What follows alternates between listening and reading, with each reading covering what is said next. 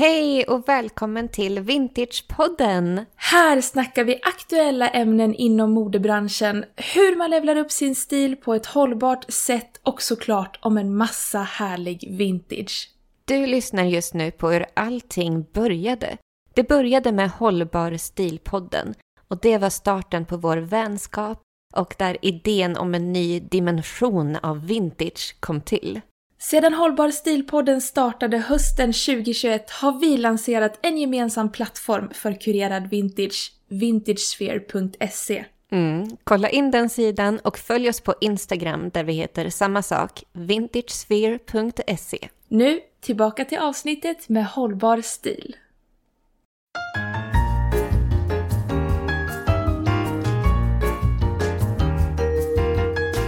Hej och välkommen till veckans avsnitt av Hållbar stil-podden med mig Olivia. Och med mig Elina. Ja, vi är ju två stycken vintage-inspiratörer som verkligen brinner eh, med det här, alltså med vintage, så pass mycket att vi till och med startade en varsin vintage-shop. Min heter whatgoesaround.se. Och min heter livilouvintage.se. Men vi kände, varför stoppa där? Det räcker inte. Så vi startade dessutom den här podden där vi mm. vill inspirera dig att se på vintage ur ett ja, men sprillans nytt perspektiv. Precis. Så är det.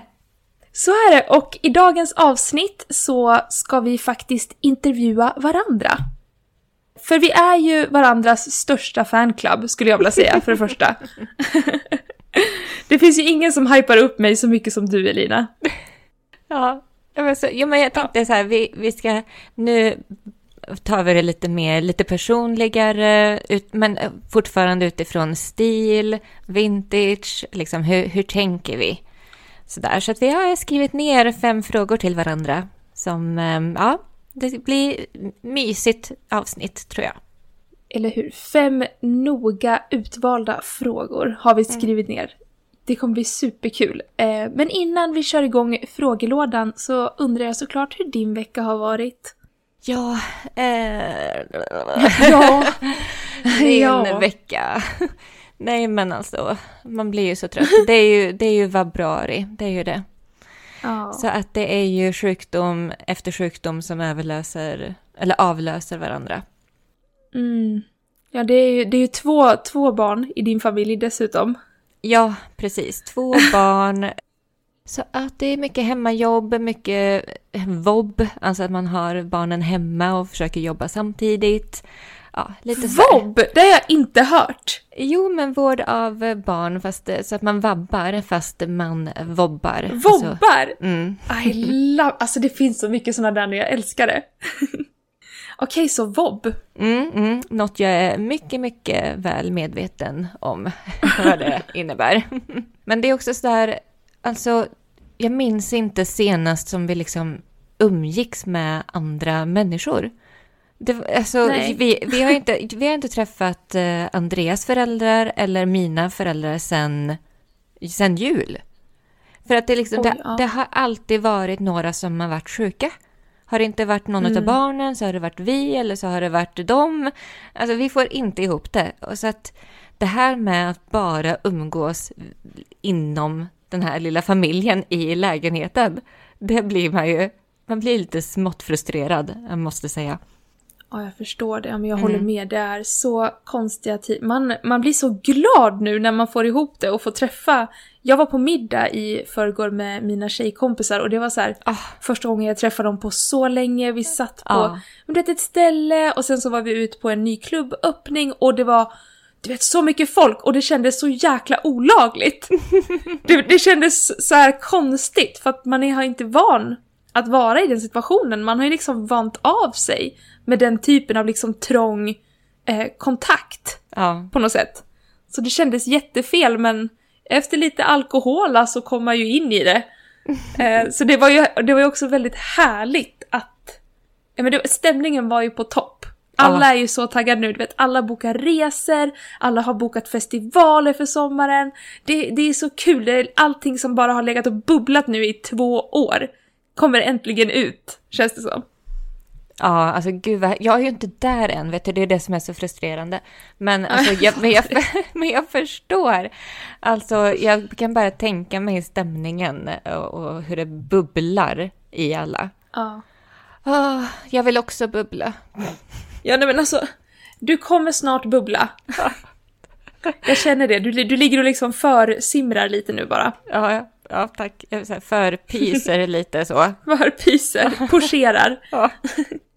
Men någonting som jag kan berätta också är ju att eh, jag har ju faktiskt bestämt mig för att ta bort min Instagram för Livy Vintage. Åh oh, gud, jag trodde du skulle säga Instagram, punkt! Jag bara, nej! Vad är det som snälla. händer nu? Nej, nej, nej. Jag bara, vart tar du vägen? Livskris 2.0? Nej, men nu, nu går jag över på TikTok, vet du. Nu. Jajamän. nej, men eh, det har jag inte sagt förut i, podd, i poddsammanhang i alla fall. Nej, men att jag eh, har ju tänkt att jag ska istället för att ha två olika separata Instagramkonton så kommer jag fokusera all min tid bara på ett konto. Och då har jag valt mitt vanliga, inom citationstecken, mitt stilkonto som jag kallar det för. Um, mm. Mm. Och då har jag ju Så det kommer bli stilkonto och eh, vintage shop i ett?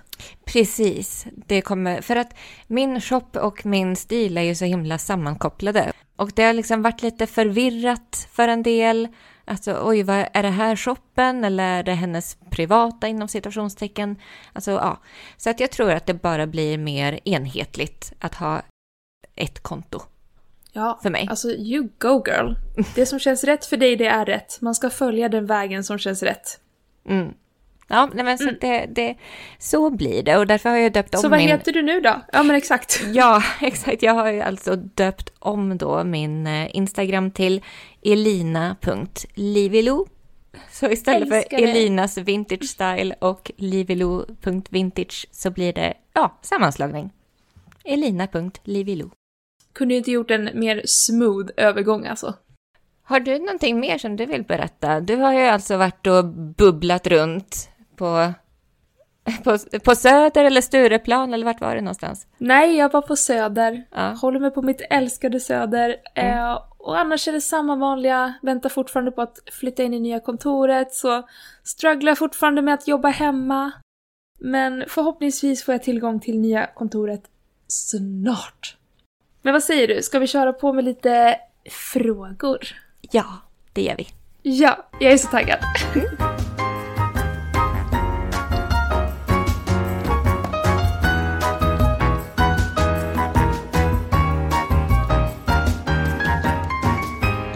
Okej, ska jag börja med att ställa en fråga till dig? Okej. Okay. det här med att du känns så himla trygg och hemma i din stil. Jag är ju avundsjuk på det. Typ varje gång du postar en outfitbild så är det så här, gud, det där känns så Elina. Den där outfiten är så Elina. Ja, den där outfiten, alltså varenda outfit. Och jag undrar, Kommer du ihåg första gången du kom i kontakt med den parisiska stilen? När det liksom var? Och, och hur lång tid tog det för dig att bygga den här parisiska drömgarderoben som du nu har? Första gången som det liksom klickade för mig att aha, det finns faktiskt någonting som heter en parisisk stil. Alltså det här med Parisian chic typ. Det, det ja. uttrycket var nog första gången 2017 som jag kom i kontakt med det. Och det var på Hur? Pinterest. Mm, mm. Du hittade en liten, eh, en liten pick, eller var det till och med en liten board? Jag minns inte exakt så här, men jag vet att jag pinnade jättemycket bilder. Och det var ju mycket på mm, Lou Doyon, alltså Jane Birkins dotter. Eh, hon är ju mm. fransyska och har sån otrolig stil och även då såklart Jeanne Damas. Um, mm. Så att jag hittade de brudarna liksom på Pinterest och såg, ja men du vet, då heter de ju någonting, rubrikerna och hashtags och sådär, så bara jaha, det är det. Mm. För att det här, det här effortlessa, det har jag alltid haft med mig. Och det tror jag kommer mm. faktiskt från min mamma. Mm, men för min mamma var alltid sån. Hon, hade sin stil, hon var, alltså hon hade så naturlig skönhet, hon, eh, var, hon var alltid noga med sitt smink, men aldrig för makead. Och hennes naglar var alltid så här perfekt filade till en lagom lång längd. Målade de aldrig, men de var alltid så där ja, men, Fresh. naturligt fresh, så snygga, naturliga naglar. Och så här små smycken och bara, ja. Så jag, jag tror att jag fått det från henne. Gud, fint. Så det var, du hade ändå liksom, kan, skulle du säga att du hade den parisiska stilen innan du fattade att du hade den? Ja, nej, men jag hade det inom mig, om man säger så. Mm. För alltså, jag har ju lekt runt med stilar, alltså så länge jag kan minnas. Jag fick ju alltid, du vet, jag fick ärva en massa kläder, jag, vi köpte mycket kläder på second hand när jag var liten, så jag hade väldigt, väldigt mycket konstiga kläder. Och jag fick, fick alltid uttrycka mig som jag ville i min klädstil. Men jag har liksom ändå, ändå alltid haft den här känslan utav att jag inte vill vara för uppklädd och inte för nedklädd och alltid typ velat bryta av någonting lite mer uppklätt och tillfixat med någonting mer casual och, och ledigt. Så att den grejen har jag alltid haft. Men sen så var det när jag eh, var föräldraledig med mitt andra barn, det här var 2017, då föddes hon, min minsting. Och då hade jag ju varit, alltså då hade jag ju varit eh, gravid och föräldraledig med mitt första barn. Så här, 2015 kom hon. Så typ från 2014 när jag blev gravid ända fram till 2017, det är typ tre år ändå, som du vet man, alltså kroppen förändras och allting handlade helt plötsligt om att vara en mamma. Så att jag gick helt upp i den rollen. Alltså det är så många kvinnor som jag tror känner igen sig i detta, som går så mycket upp i sin nya modersroll så att man tappar, man tappar lite sitt egna intresse. Och mitt intresse var väldigt mycket kläder och stil och att uttrycka mig på det sättet. Och det tappade jag då under de här åren. Så då när jag fick mitt andra barn och då började jag också läsa på universitetet, en, eh, en kvällskurs där. Och jag ville någonting annat i karriären. Så att samtidigt som jag skulle levla i min karriär så kände jag att jag också behövde levla i min stil. Så det gick liksom hand i hand så. Att jag kände att nu är jag klar med att vara bara en mamma. Nu vill jag satsa på mig själv. Och Lite verkligen... power move. Så att nu vill jag bli den här drömkvinnan som jag alltid har velat. Och hur lång tid tog det för dig sen, när du liksom bestämde dig för att, eller nu, nu vet jag att den parisiska stilen är min stil, jag vet att det är det här jag vill satsa på. Hur lång tid har det liksom tagit för dig att komma till den punkten som du är i nu, att du känner dig så himla tillfreds med din garderob och vad som finns där? Ja, men jag tror första gången som jag verkligen kände mig tillfreds, som jag var så här, äh, men jag behöver nog egentligen inte ett enda plagg egentligen mer i min garderob. Mer än bara för att det är så himla roligt med lite nya tillskott och så. Det var nog, ja, början av 2020, så för typ ett år sedan. Så från 17 till 20, ungefär tre år. Ja. Så häftigt alltså. Då provade jag mig fram. Först så var det att jag, ja men då shoppade jag lite fast fashion fortfarande, där 2017, men jag kom in mer på second hand. Och, och då, som sagt, har jag nämnt förut att då, jag gick ju helt, jag blev ju typ helt crazy i det här med second hand. Jag bara shoppade på mig jättemycket. Så att det var egentligen, vad ska man säga, hösten 2019, någonstans där, så gick jag in på att jag bara skulle shoppa vintage. Och då mognade ju min stil mer också. Tack vare det. Mm. Älskar det. Så himla häftigt alltså. Vilken jäkla stilresa. Ja, Från, från mammaledig till Parisian chic. ja. Jag brukar ju säga så att jag är en helt vanlig småbarnsmorsa i en medelstor stad. Men eh, jag klär mig ändå som den drömkvinnan som jag tänker att jag är i huvudet. Ja men gud, du är den kvinnan. Herregud. Ja, men klär man sig som henne så är man också henne på, på något sätt, för man känner sig som det. Exakt, det är energi i, i vad man tar på sig. Exakt. Nej men eh, då, då har jag en fråga till dig. Ja, shoot. Och det, har lite, det är lite samma tema. Alltså, Mm. jag tycker ju att du har ett sånt stil, självförtroende och eh, mode, mod, som jag tycker är så härligt uttryck. Älskar. Ja, mode, mod. Vem? Jo, det är hon Frida Kummelfelt, tror jag, som Ja. eh, myntade det. Fantastisk. Älskar henne. Ja, men så jag undrar så här, vart kommer det ifrån? Vart Ja, kommer ditt du. stilsjälvförtroende och modemod ifrån? Gud, det här är så, så... Jag tycker det här var jättesvårt att svara på för jag tror alltid jag har haft det.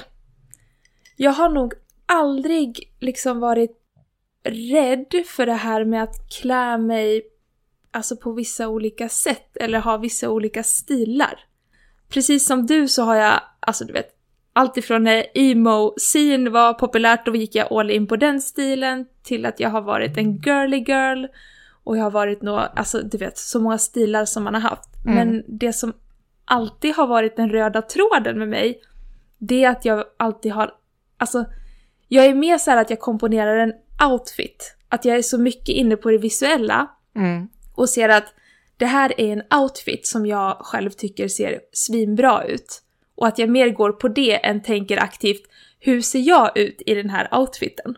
Mm. Förstår du vad jag menar? Det har liksom Ja. aldrig varit riktigt ett problem för mig att så här, ser jag bra ut i det här? Vad, vad är det som händer? Jag har alltid börjat, eftersom jag själv är så visuell, och vissa gånger har det ju sett skit ut. Det har varit saker som inte alls har passat mig. Men jag har gått ut och, och känt mig själv i det ändå. Mm. För att jag, jag tycker själv att det här funkar visuellt. Mm. Vilket är, det, det är så svårt att förklara. Och eh, desto äldre man blir, då blir man ju såklart, jag har blivit mer självkritisk på ett sätt till vad jag tar på mig. Och vad jag tycker funkar på min kropp och har börjat läsa in mer sådana saker än vad jag gjorde när jag var yngre. Men då har jag hittat liksom en annan känsla av att ja, men att jag mer vill investera i min garderob och, och hur den får mig att känna. Så att Mm. det där har skiftat lite, men det som alltid har varit en röd tråd med mig, det är att jag alltid har de här lite crazy grejerna. För att annars känner jag mig inte bekväm. Om det är en helt plain outfit, då är det så här, men släng på en cowboyhatt, eller en Mm. färgglad väska, eller en crop top. Jag känner att jag alltid vill vara down with the fucking kids. Mm. Och jag känner att när jag blir gammal kommer det säkert vara jättemånga som säger, alltså kommer ha den här åsikten, men är inte du lite för gammal för att ha det si eller så? Och jag kommer nog aldrig känna att jag är det. Jag kommer nog gå i mina boots när jag är eh, 80 år och känna mig fucking fab då också. Mm. För det är bara så jag är programmerad. Det är nog bara så jag fungerar. Ja, underbart. Jag tror, det, Ja. jag tror det är många som eh, skulle vilja känna som du. Alltså ibland tror jag också det handlar om att våga. Även fast det liksom är läskigt att kanske gå utanför sin comfort zone med sin garderob. Alltså som sagt, jag har jättesvårt att sätta mig in i det för att jag har aldrig, jag har aldrig känt så. Men jag vet ju att många av mina vänner, du vet, står i spegeln och när vi är ute och shoppar säger men det här kan jag inte köpa, det här kan jag inte ha, nej gud det där är inte min stil. Och då blir jag så här, men man kanske ibland måste bara vidga, vidga sina vyer lite grann också. Mm. Och inte vara för låst i att jag har en kroppstyp och det här passar mig. För det är självklart att man ska tänka så, men bara det inte blir att man sätter sig själv i ett för stort fack. Så att man missar alla de här härliga, lekfulla, crazy detaljerna Men som faktiskt finns där ute. Eller typ ett, ett för litet fack egentligen. Ja men ett för litet fack, exakt. Jag tänker på den här eh, låten som, som många gör så reels för just nu. Du vet den här. Oh, I could never wear that. Let me show you how I to- abracadabra. Ja, Ja. Lite den. ja. Jag har en till fråga till dig. Och det här är någonting som jag har tänkt på. Länge, hårt och jag ligger vaken på nätterna ibland och reflekterar över hur många vita blusar har du Elina? ja. Du ligger vaken om nätterna, ja. ja. Ja, jag har så många teorier på hur många det kan vara. Alltså, jag kanske gör många besvikna nu, men de är inte så många. Är det så? Det känns som att du har, alltså lätt 20.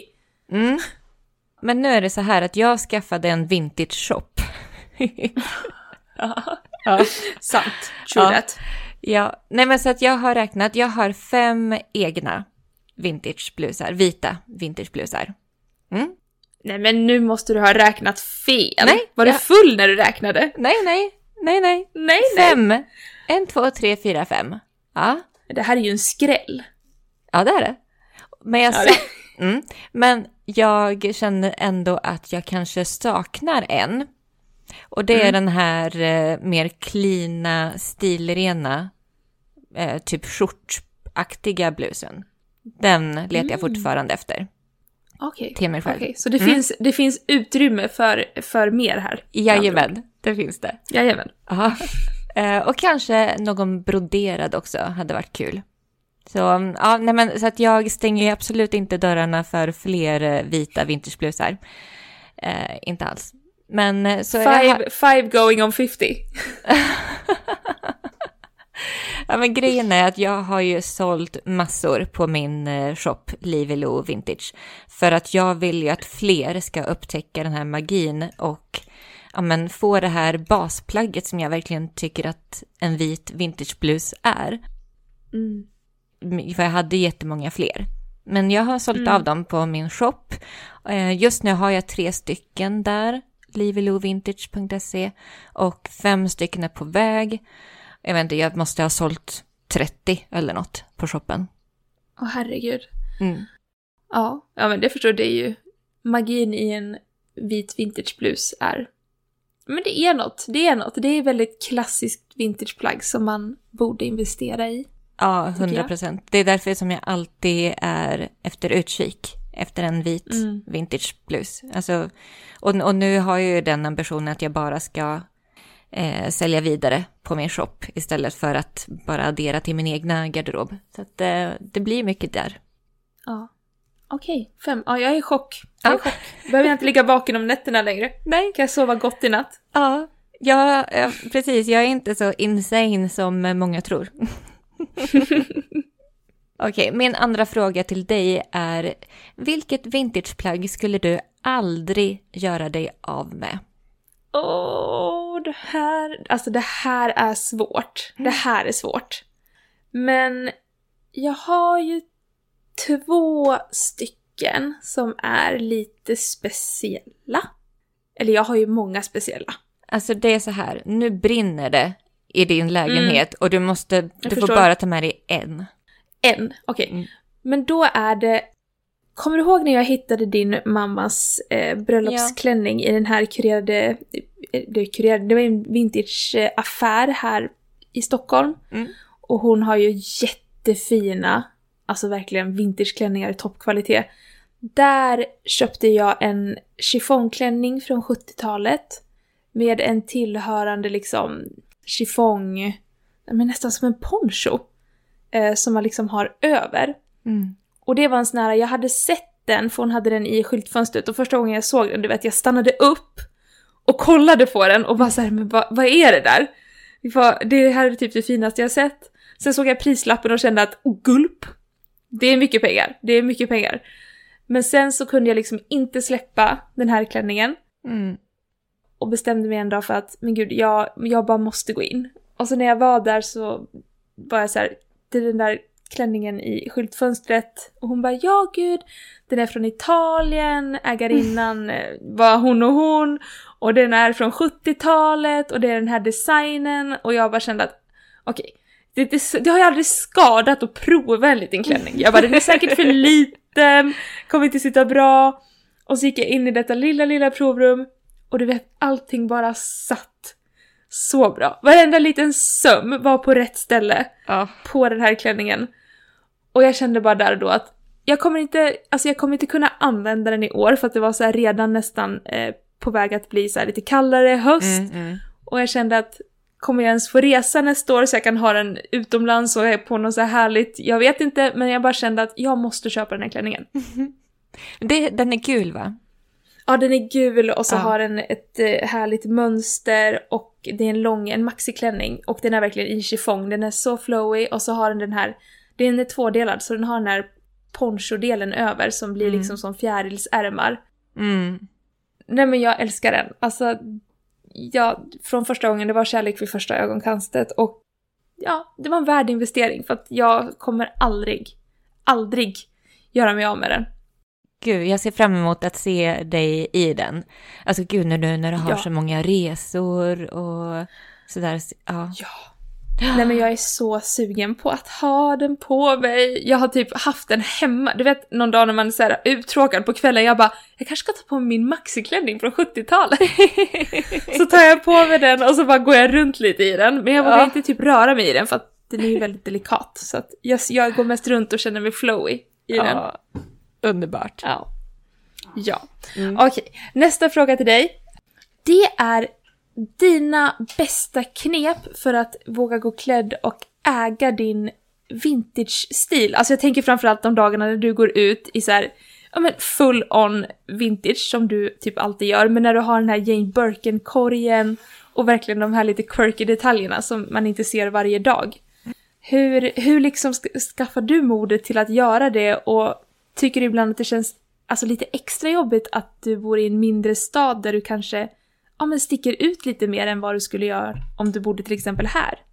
Mina bästa knep för att äga sin stil är att ha på sig det jämt.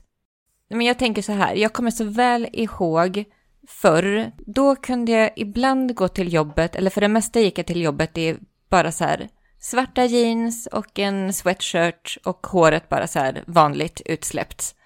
Men vissa dagar så fick jag feeling och typ kände att men, oh, jag kan ha på mig den här kjolen och vara, du vet, lite mer, lite mer piffad bara så här kjol, kanske uppsatt hår. Och du vet, de reaktionerna när jag kom till jobbet var, jag tyckte det var, jag blev obekväm i det. För Mm. att det blev så här, åh, vad fin du var idag. Alltså jag hatar den kommentaren. Då kanske folk tycker att jag är helt knäpp i huvudet, men jag blir så obekväm. Men det jag kom på var att ifall jag alltid är fixad, då kommer det bli vardag för folk. Och då kommer jag, då kommer jag slippa på de här, oh, vad fin du var idag, kommentarerna. Så smart. Du, du outspelar dem på sitt eget game alltså. Precis. Nej, men helt ärligt så bara äg din stil och ha på dig det varje dag och känna att ja, men det här är min, min standardnivå. Det är så här som jag känner mig bekväm. Det är det här jag också typ orkar hålla upp varje dag. Alltså man ska ju inte typ bränna ut sig för att man ska ha, hålla någon viss nivå, men alltså så här, hur, vad är din, vad är din basstandardnivå på din stil och hur du vill gå klädd? Och bara, Mm. och bara vara konsekvent i det. Då kommer du själv att vänja dig och andra i din omgivning kommer att vänja sig och det kommer inte bli en big deal längre. Då kommer det inte vara så här, åh, hur kan du våga ha på dig det här eller hur kan du våga sticka ut? Utan det är, det är vardag, det är sån du är bara. Men eh, känner du aldrig så här, men du vet när du går på stan och folk som inte känner dig, får du aldrig typ ett extra öga? Så. Nej, jag vet inte. Jag är ju egentligen en introvert person, men jag har alltid älskat att uttrycka mig själv genom min stil. Så att jag har eh, inga problem med att stå ut på det sättet. Härligt. Ja, nej men så, så är det med det. Mm. Min nästa fråga till dig är, alltså jag är så nyfiken, du har ju, du har ju en plan för din stil nu, du har ju en, en vision. Jag undrar Mm. vad som står överst på din wishlist just nu. Vad är det du Mm. letar efter? Vad tänker du är nästa investering i din garderob? Nej men, jag letar ju fortfarande efter de perfekta cowboybootsen. Mm. Men det är de jag hitt, jag har inte hittat dem. Du vet festivalsommaren börjar närma sig. Allt jag vill är att gå runt i ett par festliga cowboyboots och det ska vara en stjärna på dem. Jag är så specifik, men jag vill ha en stjärna på bootsen. Ja. Det är verkligen det jag vill. Och så har jag helt snöat in mig på att jag vill ha en liten vintageväska i sammet. Med typ pärlor eller någonting. Alltså en Mm. boho-väska. Så här lyx boho-väska. Ja, en sån här liten det- pouch, typ. En liten pouch, exakt. Ja. Och sen har jag ett tips. Eller tips. Jag började kolla på serien Pose på Mhm. Netflix. Som handlar om ja, men transsexuella och gay-communityt under ja, men hiv, hiv-pandemin liksom på 80-talet och Mm. även hur de körde sina så här bal, balkvällar där de klädde upp sig och fick leva Mm. ut sina liv. Och jag är besatt av kläderna i den här serien. Det är ju 80-talsmode Mm, okej. rakt igenom. Äh, men alltså inspirationskällan på dessa människor är otrolig. Så har ni inte sett den här och vill ha lite härlig 80-tals inspo så ska ni kolla på serien Pose på Netflix. Men är det en, eh, en dramaserie, liksom, att det är skriptat? Eller är det en dokumentärserie? Nej, det är en dramaserie så den är Ja. så här lite, det är lite humor men det är väldigt mycket drama. Det är mycket Mm. så här allvar men det är, men jag älskar och det är ju transpersoner som spelar huvudrollerna vilket jag tycker är svinkul och de Mm. är så snygga. Jag är så frälst i den här serien. Det är en karaktär som heter Angel som jag är så här. Det är den vackraste kvinnan jag någonsin sett och hennes stil är otrolig.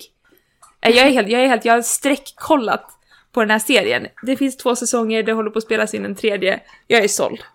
Mest på grund av kläderna. Ja, men det måste jag ju kolla in. Pose. Alltså nästa, nästa fråga kom vi överens om att vi vill köra lika. För att Ja. båda driver ju en vintage shop. Mm. Och det jag undrar är ju, och det du undrar är ju, men det vi undrar, vad är den största utmaningen eh, med att driva en vintage shop och vad är det allra härligaste med att driva en vintage shop? Ja, men den största utmaningen, super honesty time här nu, det är ju, Ja. det är ju det här med time, alltså tiden. Mm. Att få det att gå ihop. Amen to that sista. Ja, tänkte du också säga det? Ja, dels. Det är ju mycket, mycket man har att prata om, men dels tiden, absolut. Ja, men det här med att folk förstår nog inte hur mycket tid det tar att driva en vintershop. Och samtidigt så vet man att kunderna är ju så vana vid fast fashion-priser. Så att det är ju det här, Konkurrera. ja, hur, man Exakt. kan ju inte konkurrera. Men, men, men man måste på något sätt. Vad tycker du är den största utmaningen, förutom tid? Nej men den största utmaningen det är ju om man verkligen vill satsa på det och leva på det så är det ju en jättestor utmaning för då måste man ju ändå någonstans vara med och konkurrera Mm. med modevärlden på ett plan. Mm. Och det är ju jättesvårt för att det, det är som du säger, jag, du och jag är ju helt ensamma och att få ihop det med marknadsföring, att försöka hassla och få ner postkostnader, bara en sån grej tar ju en Mm. hel dag. Ja, Medan fast fashion som har så mycket order, de får ju kanonpriser på frakt för att de kan ju bara frakta iväg hur mycket som helst. Mm. Så det är det här, men det är väl att man alltid är i någon slags tvivel. Det är känslan att man brinner så himla mycket för något och känner att man ger så mycket hjärta och känsla i det. Och det enda som jag kan göra det är att välja hur och var och när jag investerar min energi och sen får liksom tiden utvisa vart, vart det är på väg. Så man får ju ständigt göra en utvärdering liksom mm. av hur det går. Men det är nog just den här ovissheten också, att man så gärna vill jobba med det här, men att man är jätterädd att man kanske inte ska få det. Mm. Men so far so good, känner jag. Så att jag håller tummar och tår att det ska fortsätta. Och det här att, är Sverige redo för det här? Det Ja. har jag också jättemycket tvivel för. Så här, är vi för snabba på det här vintage? För att det är ju stort som sagt, Amsterdam, Paris.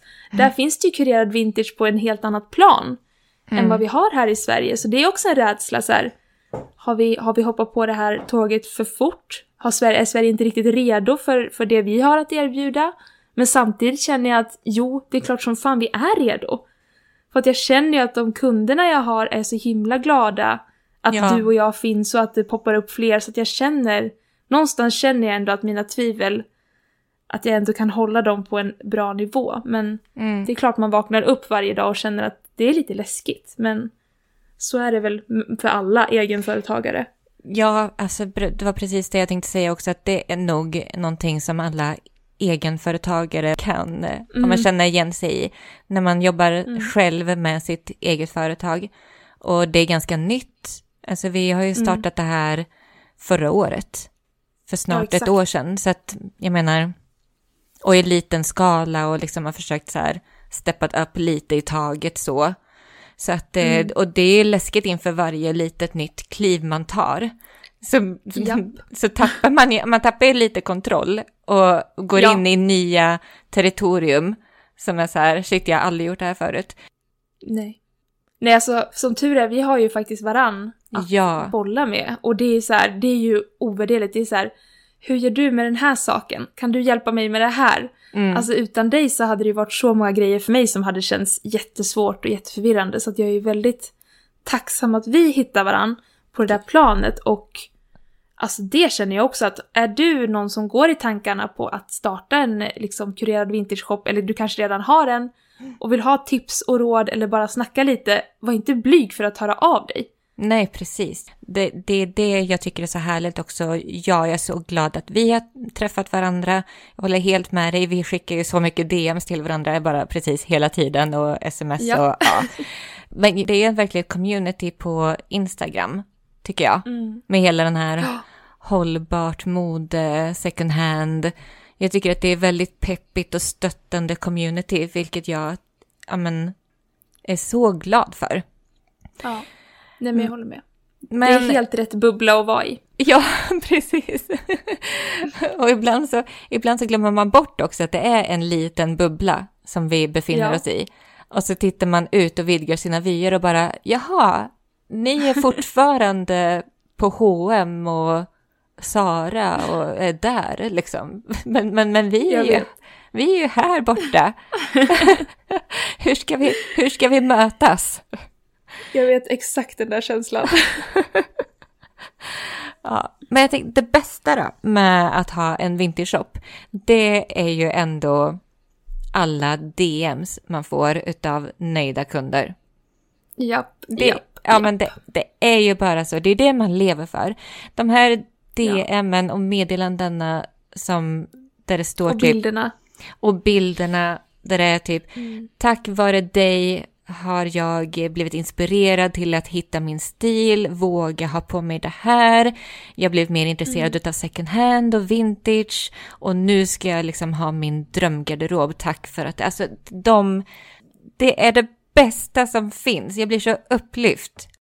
Och när man, du vet när man är inne, alltså ibland när jag jobbar med What Goes Around så är jag inne i ett sånt kreativt liksom flow och jag känner att tiden är på min sida, energin är på min sida och jag är liksom...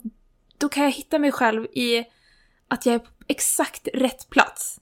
Mm. Att jag, jag bara så här, tid och rum försvinner och jag känner mig så glad och så lycklig, omgiven av de här kläderna, det jag får fota, jag liksom, jag tappar bort mig själv i det jag gör för att jag är så i synk med det.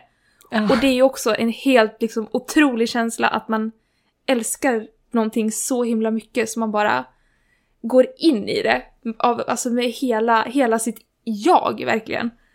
Och det jag har märkt av det är såhär när jag, när jag mår som bäst och liksom, man ser nästan det på What Goes Around, när det är liksom, det är liv på sidan, kunderna, det blir bättre försäljning, det är verkligen en mm. så genomgående vibe. Mm. Hur man mår och vad man sänder ut för någonting. Mm. Så att, nej, jag, jag älskar vintage och jag hoppas att jag alltid kommer få jobba med det på ett eller annat sätt. Okej, nästa fråga. Sista frågan till dig.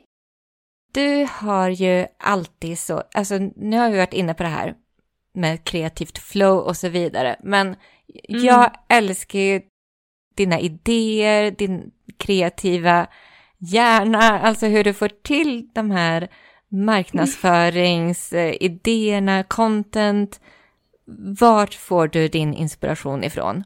Hur går processen till?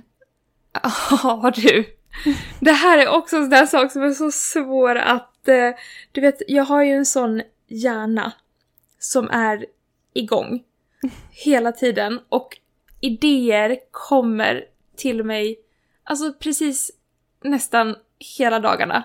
Och det är både en blessing men också lite jobbigt för att jag är, jag är nog väldigt mycket att ta in för jag är så här, idag vill jag måla om hemma, idag ska jag skapa en marknadsföringskampanj, idag ska jag göra det här, idag ska jag göra en grafisk bild. Alltså det är väldigt mycket som försiggår i min hjärna. Men kreativiteten har ju alltid funnits där, liksom Du vet, redan som barn så satt jag och pysslade mycket, jag gjorde hemmagjorda tidningar, mm. klippte och klistra och mina föräldrar var ju alltid super, alltså nästan lite för uppmuntrande. Jag fick verkligen, du vet, gör vad du vill. Det var den, och jag var ensam barn så att det var väldigt så här. åh gud, här, vilken kreativitet, vi måste lyfta det här barnet. och så har jag alltid varit rätt så här underfundig, eh, och det är egentligen hela min släkt, vi är så här, vi har alltid haft en väldigt så här skämtsam jargong. Ja. Man måste liksom vara lite rapp i käften och, och man måste ta för sig och göra det med glimten i ögat om man ska få en syl i vädret med min familj. Ja, men där sätter du ju verkligen fingret på precis det jag försökte så här. För att jag älskar det med ditt innehåll och hur du, ja men med hela dig, att det är alltid den här underfyndiga lilla undertonen. Så det är alltid så mycket humor, alltid lite, mm, vad ska man säga, lite kaxighet. Ja. ja. Men det är lite sass, det är lite ja, sassy. Verkligen. Men jag, jag bara älskar att förmedla saker, alltså på ett visuellt och slagfärdigt sätt, men som ändå alltid har glimten i ögat, för det är jag. Det är så här, jag kan vara superhård och superjobbig och superdryg, men jag gör det alltid med en liten så glimt så att folk blir så här: okej, okay, hon är lite besserwissrig och typ jobbig, men hon är ganska kul också. Mm. Så, så jag vet inte riktigt vad jag känner eh, just nu. Vilket jag tror är en liten styrka. Det är liksom, det är jag. Det är såhär take it, take it or leave it. Det är lite den. Mm. Underbart. I'll take it, I'll take it. Take it, take mm. it Elina. ja, nej men alltså min sista fråga till dig. Det här är också en sak som jag kan ligga vaken och tänka på, på natten. Nej, jag skojar bara, det gör jag inte. Men jag har tänkt på det här och det är ju hur du får allt att gå ihop. Alltså i mina ögon är ju du superwoman för att du har ju liksom, men du har en familj, du har två barn, de har massa aktiviteter, du har ett jobb, du är så aktiv på sociala medier, du lägger upp skitsnyggt content, du är så genuin och trevlig, svarar alltid på kommentarer, du driver en vintage shop, du har liksom anställning, du poddar, du hinner gå på loppis. Va? Hur, hur lyckas du få ihop det här? Vad är liksom din hemlighet för det här? Jag blir, trött bara jag lyssnar på allt. Eh, mm. Nej men, mm. fasen får jag Du är ju en strateg, det vet jag ju. Du är ju strategiskt lagd, men det är så här, i min hjärna så är det här, det här, det här funkar inte. Du måste ha något kryphål för det här. Men jag tror att ju mindre tid man har, desto mer effektiv bara blir man.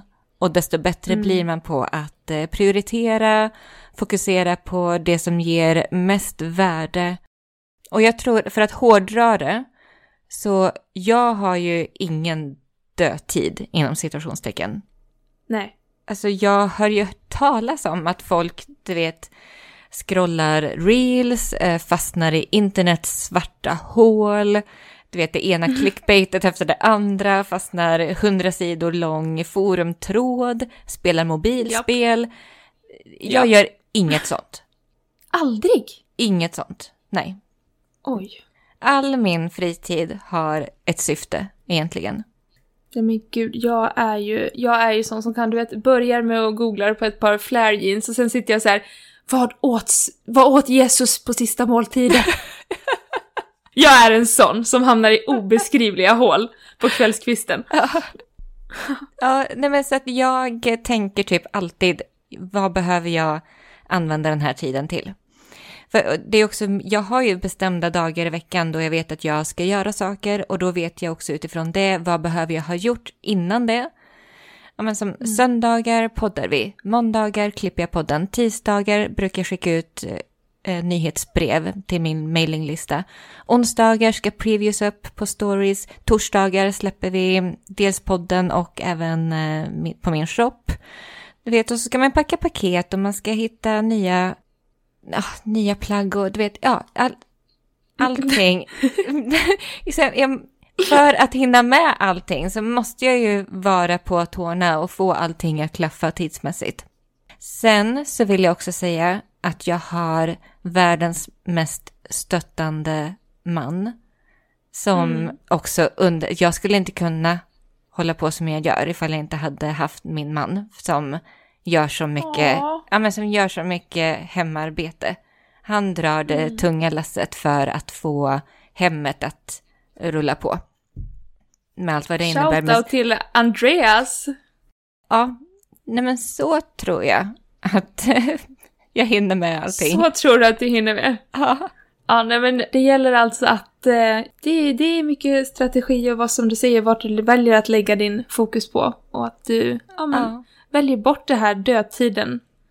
Och det är ju egentligen så alltså, kul och intressant och härligt att du känner att du har så starkt fokus. Energy flows where focus goes, brukar jag säga. Ja, men så är det ju. Och eh, att även finna lite systematik i det man gör också.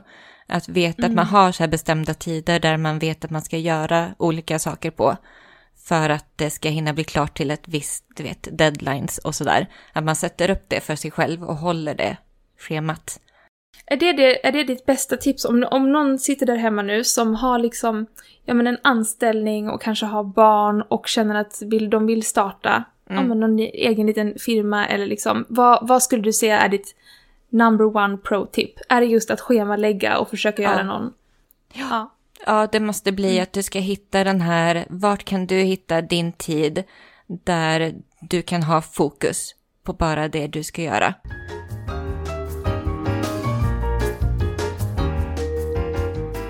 Nu är jag fortfarande, jag är fortfarande lite överchock att du bara har fem vita blusar, men förutom det, bra intervju. Ja, ja kul intervju. Det var roligt att få höra dina svar och lära känna varandra ännu bättre. Exakt, och hoppas ni som har lyssnat också känner att ni har fått lite mer insikt i våra eh, vintage-liv. Ja, precis hur det är att driva vintage shop och våra tankar kring eh, stil och våra stilresor och ja, hoppas att det har gett någonting. Ja, vad säger du? Eller ska vi ta ett vintage? Nu har vi pratat i hundra... Ja, du vet det här, det här avsnittet blir rekordlångt. Jag tror vi får ja. hoppa vintagevinden till nästa vecka.